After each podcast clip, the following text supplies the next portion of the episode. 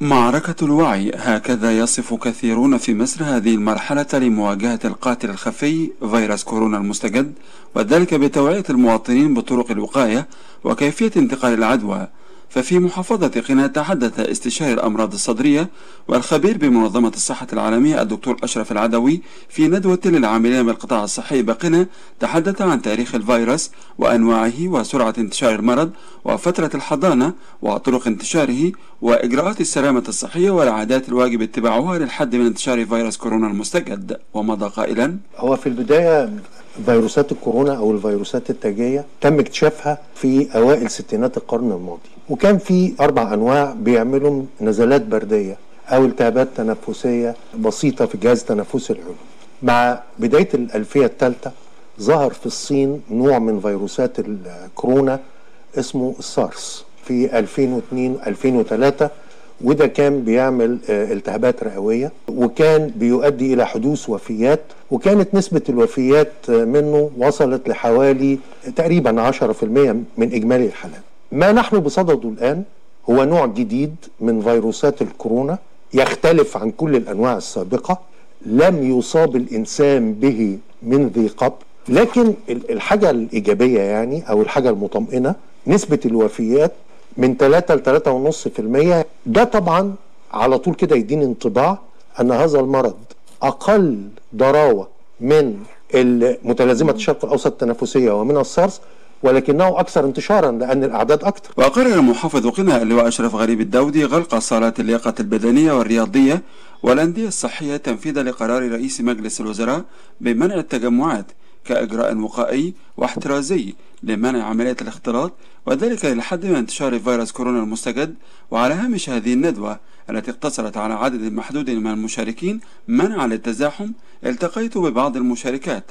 عبرنا عن مدى استفادتهن مما طرح من مناقشات. أكيد طبعا أنا هيكون عندي وعي بالمرض وإزاي بينتشر وإيه أعراضه. فبالتالي أنا هكون فهمت الموضوع فهقول لزمايلي وكل الناس اللي في قريتي كل الناس اللي في المجتمع هحاول إن أنا أنشر. لو أنا قلت لأخواتي الصغيرين هيبقى برضو عندهم فكرة فهيقولوا لاصحابهم فكده إحنا نشرنا في بلد. فإحنا طبعا مش من بلد واحدة إحنا مجمعين من عدة بلاد وكده ومن قرى. فكل واحد لو فينا عرف إن المرض ده إزاي بينتشر فإحنا كده هيبقى عندنا وعي برضو بالموضوع وهيكون عندنا يعني أهمية وهناخد بالنا.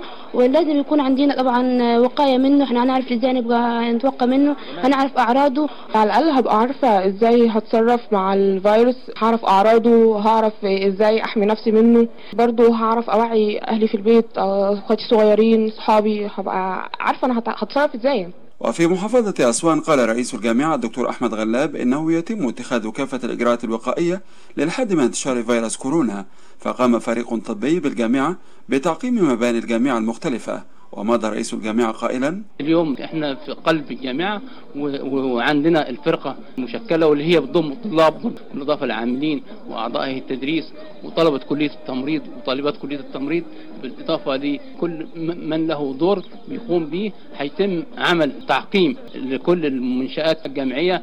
إحنا في الموقع العام حاليا هننتقل لكلية الزراعة هيتم التعامل مع المدرجات وقاعات الدرس والمعامل والطرقات وكل كل الأسطح اللي باستمرار هيتم تعقيمها.